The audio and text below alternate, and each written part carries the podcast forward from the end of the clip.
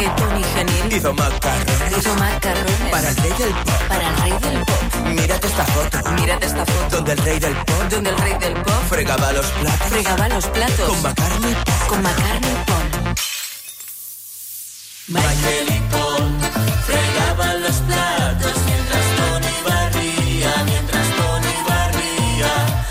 5 minuts per arribar a tres quarts d'una del migdia. Així sona Macarrones Pop, una de les últimes cançons del grup barceloní La Dilla Russa, un duo de periodistes que triomfa el panorama musical amb les seves cançons punyents i crítiques plenes de sentit de l'humor eh, i que destaquen allò més quotidià. La Dilla Russa són el Víctor Fernández Clares i la Tània Lozano. Bon dia i bona hora. Molt bon dia, què I benvinguts al suplement. Com esteu? Molt bé, i tu? Em fa una mica d'impressió, perquè, clar, és que jo no sé si estaré a l'alçada de, de, de totes les expectatives que genereu i, i de les marxes revolucionàries que porteu posades al damunt, no? Pensa que de vegades tenim més pressió nosaltres que sempre hem d'estar com allò, Sí. eh, com un jilguero, saps? Sempre supercontents i intentant com estar... Sempre està de supereloqüents. no? Clar, clar, i de vegades costa. Al matí costa una mica més. Quan costa anem al més. matí a les entrevistes ens diuen però que poca fiesta, no? Clar, és que nosaltres som més de tarda, però bueno. I de nit, i de nit. I de nit, i de nit, però ara ja no hi ha nit. Com us vau conèixer vosaltres dos? A l'institut. A l'institut. Sí, quan teníem 12 anys, no? Més o menys, Sí. Víctor? O sigui, Sí, ve de sí. lluny, això. Sí, tenim 33 anys, doncs... Compte. Sí, sí. Vam anar junts a l'institut amb un Cadi Reixac, que de fet anàvem al mateix institut que l'Adri de la Pegatina, que això molta penya no, no ho sap, i, i res, o sigui, vam començar a parlar, jo crec que ja a segon o així de la... Segon de l'ESO, uh, quan vam anar a esquiar, que no volíem esquiar, i vam seure junts... O sigui, la, la setmana blanca a vosaltres no us interessava per res. No. No. I ens vam anar al bar a beure un refresco, perquè en, en esa època no bebíamos alcohol.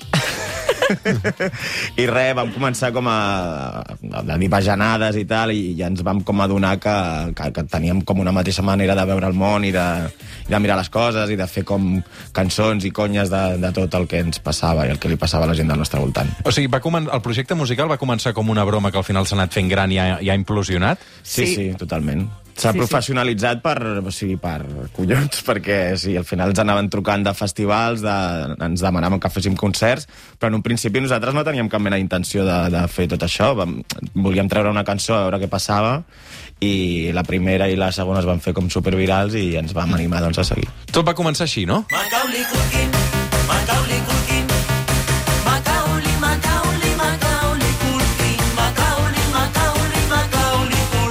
Clar, és que això... O sigui, l'he sentit fins la sacietat, aquesta cançó. És que és molt fort perquè a dia d'avui, que fa ja 3 anys i mig, ens arriben vídeos cada dia de gent escoltant la cançó. No sé, passa, I eh? des d'on? Des d'on? De tot, de tot arreu? De tot arreu i, i a més a més fora de, de Catalunya i d'Espanya, de gent que està vivint fora i posa la cançó des, en totes partes. Només falta que ja que la, que la canti en Macaulay Culkin, que això ja seria com, no? Sabeu si li ha arribat? Doncs els, els nostres seguidors l'etiqueten i, i passa una cosa molt curiosa perquè és que li tradueixen la cançó de manera literal, que clar, per, tota la, per tot el sentit, perquè les conyes són molt locals, i clar, de moment no ha respost, però jo crec que, que respondrà. Té un lligam amb Catalunya, però amb Barcelona, perquè venia molt a l'Apolo, o sigui que... Sí, era amic dels Ah, sí? Nastis, dels Sí. Nasty Mondays. El Nasty... Ah, no ho sabia, això. Anava molt al no Nasty sabia, Monday no sabia. i al Bagdad també. Sí, Què dius ara? Sí, sí, A sí, veure sí. strips i, i tota... No se sabe lo que hacía dentro. Un dia va tenir una moguda ja, que ja l'explicarem un dia. Que... No es pot explicar avui? No, no. bueno, no, que es, va, es, va, es veu que va, va lligar com amb una noia i tal, d'allà, Sí. sí. i després aquesta tia va, ho va explicar a la premsa el dia següent. Ostres. I al Macaulay ja li van dir, nen, vés en compte que, que aquí potser patiràs. Mm. I sí, sí. Es- efectivament. Escolteu una cosa, I, i com és que us heu fixat en la història del Macaulay Culkin? Perquè, bueno, té una història fascinant, no?, aquest personatge. Però... Sí, realment parlem del, del personatge de la pel·li, tot i que diem Macaulay Culkin, però és el personatge de, de Solo en Casa. I bueno, ens imaginem sempre la vida dels, dels famosos com si, hagués, com si haguessin viscut el nostre amocada, saps? Mm. I llavors la cançó parla de- d'això. Tània. No, és que no me'n recordo molt bé per què va sortir eh, això de Macaulay Culkin. Teníem com la tornada feta des de fa molts anys i un dia vam, vam dir per què no posem més lletra a la cançó, saps? Teníem el Macaulay Culkin però des de fa set anys o, o així, no sé per què. Fijació per Macaulay, no sé. Va, una de les últimes adquisicions també de la dilla russa sona així. Vi a una chavala en la cola del día. Yo la miraba, yo la quería. Quise acercarme, pero recordé que la pandemia de ella me alejaría. Un metro y medio tuve que mantener. Porque otra cosa era saltarme la ley. Maldita norma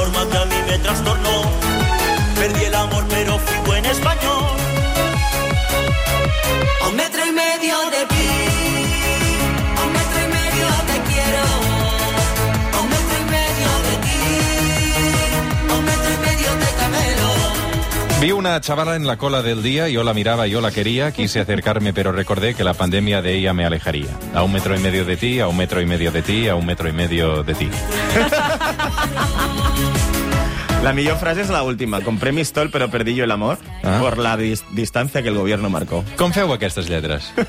Tania, habla tu. Les feu a tot, tots dos a la vegada o doncs... us envieu notes de veu? Com ho feu? Mira, aquesta, aquesta va ser la part que canta el Víctor, la, la va escriure ell, i la part que canto jo la vaig escriure jo. I després vam quedar a un bar i vam acabar de fer l'última part. Però lo de A un metro y medio de ti va sorgir perquè estàvem a un bar i era quan no, no sabies si podies fumar Mm. i jo me encendí un piti i em va dir al cambrer póngase usted a un metro y medio de él. I ja està. I, a- I ja està. I a mi em va, sortir, em va sortir com a la tornada com super, super directa. em va fer gràcia estar fumant al mateix lloc el Víctor, però a un metre i mig, no? I m'entró la risa i me cantó. Clar, és que vau publicar aquesta cançó fa tres setmanes i té uh, més de mig milió de visites a YouTube uh, i està mirant la resta de vídeos i, i moltes superen els 4 milions de visites, no? Vull dir I- que poca broma, eh? No, no, Sí, no, no, sí. totalment. Kit crec que té 6 milions ja. Sí, o... sí, 6, 6 milions i pico. Kit y los coches del pasado.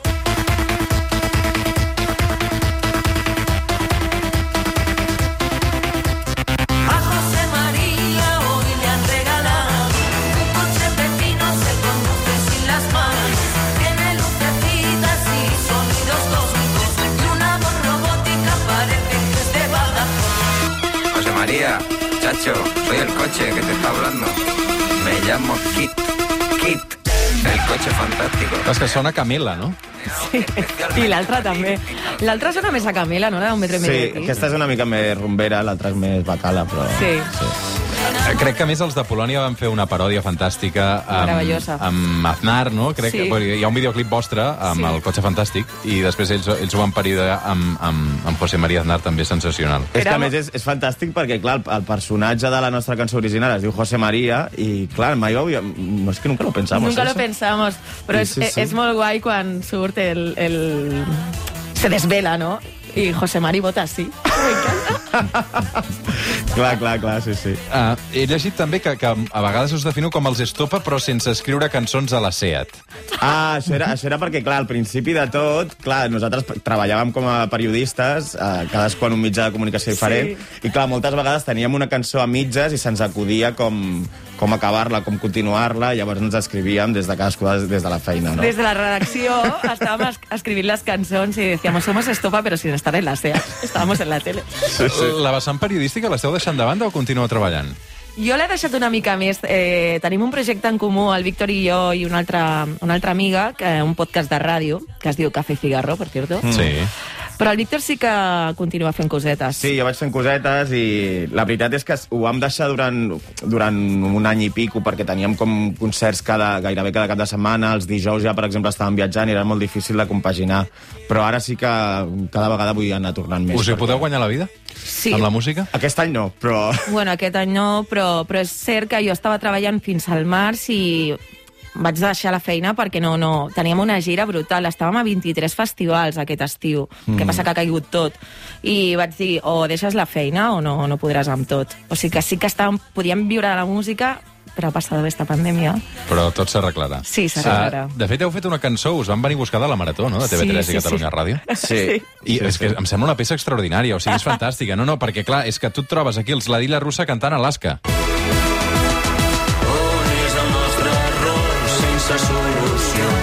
ser poble o vaig ser jo? Ni tu ni un altre, un altre sap com canviar-me. Mil campanes sonen dins del meu cor. Que difícil és demanar perdó. Ni tu ni un altre, un altre sap com canviar-me.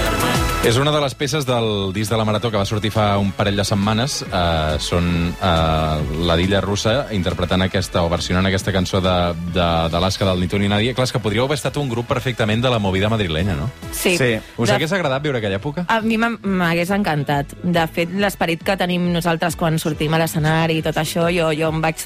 Clar, jo no era artista, no sabia què fer. Me fijé en Almodóvar i Magnamara, a tope. A mi m'hauria agradat també viure la- l'època de, de Barcelona, de la Barcelona Underground, de Nazario, Canya, tota aquesta, Sí. tota aquesta moguda també va molar molt, que sempre ens fixem amb la madrilenya i la d'aquí va molar també, també molt. I a més en aquesta cançó és molt curiosa, la, la cançó original hi ha un riff de guitarra que comença la cançó, que el, el tocava el, el Luis Migueles, que era, era un dels membres de, de l'Esca Dinarama que, que després l'hem conegut, o sigui, fa dos anys Mm. el vam conèixer i ens va proposar, de fet, fer, fer una versió amb ell d'una cançó mítica del Magnamara, o sigui, que és molt heavy perquè, clar, és un superviviente de la, de la movida. I el primer que ens va dir quan ens va conèixer va ser vosotras vais a acabar muertas. Esnifando ibuprofenos, nos dijo. nos dijo eso. Mira, Estado del Malestar. Nuestra infanta es una santa, no se acuerda, no se achanta. Que me cuentas yo no he sido, que mis cuentas las lleva mi marido y su padre Juan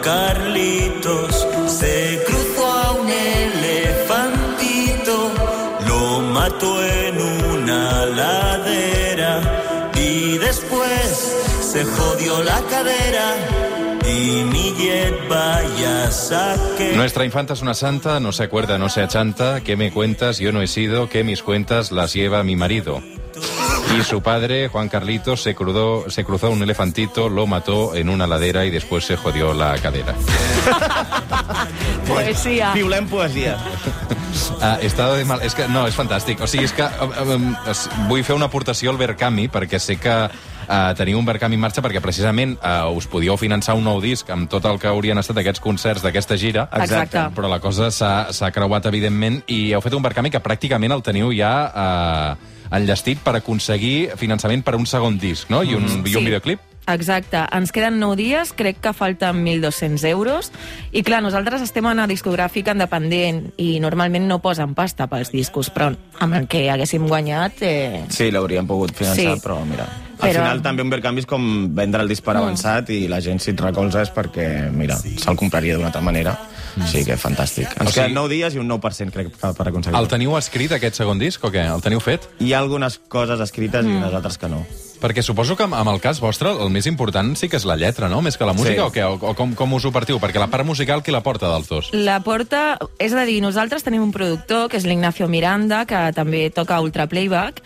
Nosaltres li donem la melodia i tot el que és l'harmonia i tot això la fem amb ell, però li passem moltes referències de... Ens imaginem aquesta cançó que sona així, així, així, però cada vegada més sí que li donem importància a la música, perquè cuidem la lletra, que ja mola que sigui humorística i tal, però també volem que soni bé, és a dir... Per exemple, la cançó de Kid va ser com un pas endavant en el sentit que, per exemple, està plen- plena de detalls, de canvis, i vam, vam filar molt prima fins que no vam estar convençuts no vam parar, perquè al principi anàvem molt ràpid, o sigui, vam dir, vinga, ja està bé. I ara cada vegada tenim més clar el que volem Clar, perquè pensa que al principi no sabíem què volíem fer, nos vino todo de golpe. I ara sí que tenim més clar, i per exemple amb Kit vam estar mig any més o menys amb, amb la cançó, eh, que té la marinera. déu nhi Escolta, tenim moltes ganes que pugueu fer aquest disc, eh, tant de bo això del Verkami vagi endavant, i tan bon punt el tingueu, doncs us tornarem a convidar al suplement perquè tindrem ganes de- d'ensenyar-lo també. I els videoclips, que són sensacionals, eh? Són molt guais, Allà sí. també hi ha pasta, eh, en aquells videoclips. Hi ha pasta, hi Sí, ha sí. pasta. Vull dir que són, és una, una petita obra mestra, també. Uh, el Víctor Fernández Clares i la Tània Lozano són la Dilla Russa, avui ens han vingut a visitar en aquest suplement. També d'aquí una setmana els veurem segur vinculats a la Marató de TV3, que arrencarà a Catalunya Ràdio el diumenge dia 20. Per tant, molta sort, moltes gràcies i fins molt aviat. Moltes Gràcies. gràcies. Adéu. Ara Adéu. tornem.